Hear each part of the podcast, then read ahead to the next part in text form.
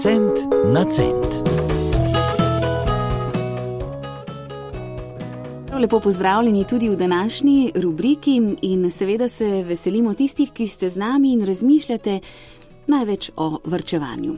Danes je z nami poseben gost, gospod Petr Mihajlović. Lepo pozdravljeni in Lep dobrodošli. pozdrav. Lep pozdrav. No, Petr, eh, danes bova. Čeprav v teh rubrikah cent na cent zelo nazorno eh, skozi vse leto opozarjamo in nagovarjamo, zakaj je pomembno vrčevati, eh, večinoma to počneta Ana in Mitja Vezovišek, zato sem danes vesela, da ste danes z nami vi, Hvala. ki boste pa pogledali še drugo plat, tisto z terena, namreč veliko upravka imate s strankami in um, njim morate pravzaprav več čas govoriti, zakaj je pa pametno vrčevati. To je res. Ne. Zdaj, tukaj ta vrčevanje je en pojem, ki ga vsi poznamo. V starih časih, a pa rečemo par let nazaj, so vsi govorili o vrčevanju kot slabo. Ne. Pokazala je situacija uh, svoje pred parimi leti, ko se je zgodila tista recesija in smo bili vsi malo oboženi. S tem, da smo tudi razmišljali malo drugače in se nam je zdelo, da je težko dati kakšen cent na stran. Službe, služb ni bilo, delovnih mest ni bilo, danes je ta situacija zelo spremenila. Ne. Mislim, da uh, kolikor hočeš delati nek posel, oziroma iščeš nekoga, da bi kaj naredil, uh, to hitro tudi najdeš. Ne. In posledično začneš razmišljati tudi o tem, da bi pa končno začel pa nekaj vrčevati. Ampak vi, eh, Petr, ko pridete do stranke, ne, ker ste Ja. zavarovalniški agent pri zavarovalnici Triglav, eh, včasih naletite na velik zid, pa ne samo pred vrati, tudi ko se vrata odprejo, eh, je ta zid miselnosti, ki je drugačen Ja, in potem tukaj- prepričati, začeti pri nični Ja, točki. zdaj tukaj je treba stranko v bistvu ne prepričati, ampak jim malo odpreti obzorje, uh, videti, da tudi uh, rožnate situacije, kot uh, se je zgodila pred parimi leti, verjetno tako ne bo tudi čez, ne vem, takrat, ko bomo šli v penzijo oziroma takrat, ko bo šli naši otroci na fakultete oziroma da bi šli radi študirati nekam v tujino. In tukaj se je treba malo vprašati, je potrebno to uh, zadevo naprej pelati, kot smo jo do zdaj, ali pa na stran dati vsak mesec nekaj, saj tistih 10 evrov, tako kot so naše stare mame rekle, magaru poštar. Uh -huh. In s tem se jaz tudi strinjam, ne? s tem, da ta denar v poštru noter nima danes nobene vrednosti. Denar, vrednost denarja dol upada. Uh, in zato so finančne inštitucije, tako kot so, tako kot so naše zavarovalnice in ostale banke, primerne uh, ustanove za to, da bi se kaj prevrčevali. No, seveda je pa potem pomembno izbrati pravi produkt. Ja. Ja. To pa so spet horizont let, pričakovan. Ja, tukaj je zdaj za vsakega posebej. Ne. Zdaj vsakmu ne moreš narediti vsako zavarovanje, ne glede ne vrčevanje. In zdaj pri vrčevanju zmeram polemika okrog tega, koliko bom jaz dobil ven takrat, ko bom jaz eno dobo doživel, oziroma ko bom jaz nekaj prevrčil, pa koliko tega denarja ne jaz na stran dam. Zdaj jaz zmeram svetujem strankam, pa se je zdaj v praksi pokazalo, da je to zelo, zelo uh, v redu, oziroma da se stranke s tem strinjajo. Jaz zmeram pravim, da desetino svoje plače dajmo na stran.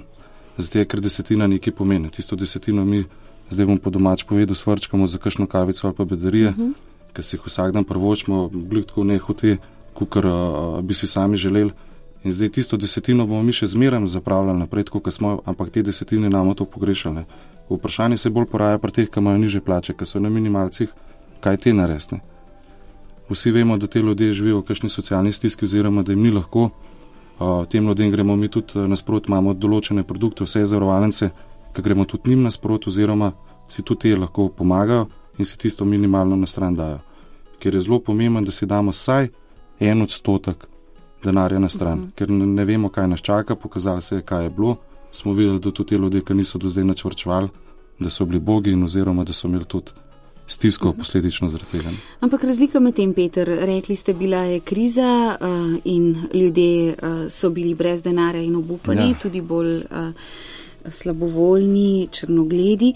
Zdaj le smo priča nekemu razcvetu. Je Tudi kar se tega tiče, pa smo zdaj tako modri, da bomo nas je kriza streznila, Mislim, da vemo, da, da je treba ja. v času zlatih. Mislim, da če dalje več uh, ljudi uh, začenja razmišljati o tem, kaj bo v prihodnosti sam zase oziroma za svoje bližnje na- naredil, oziroma da si bo nekaj prevrčeval, pa probo nekaj ustvariti, pa kakorkoli težka situacija je.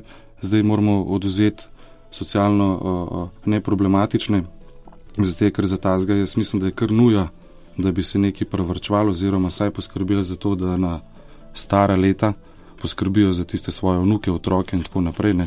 Vemo, da pol enkrat, ko smo starejši, oziroma to sem jaz tudi na terenu videl, doživel, ker gospod pa gospa, starejši od 60 let, oba dva brez službe.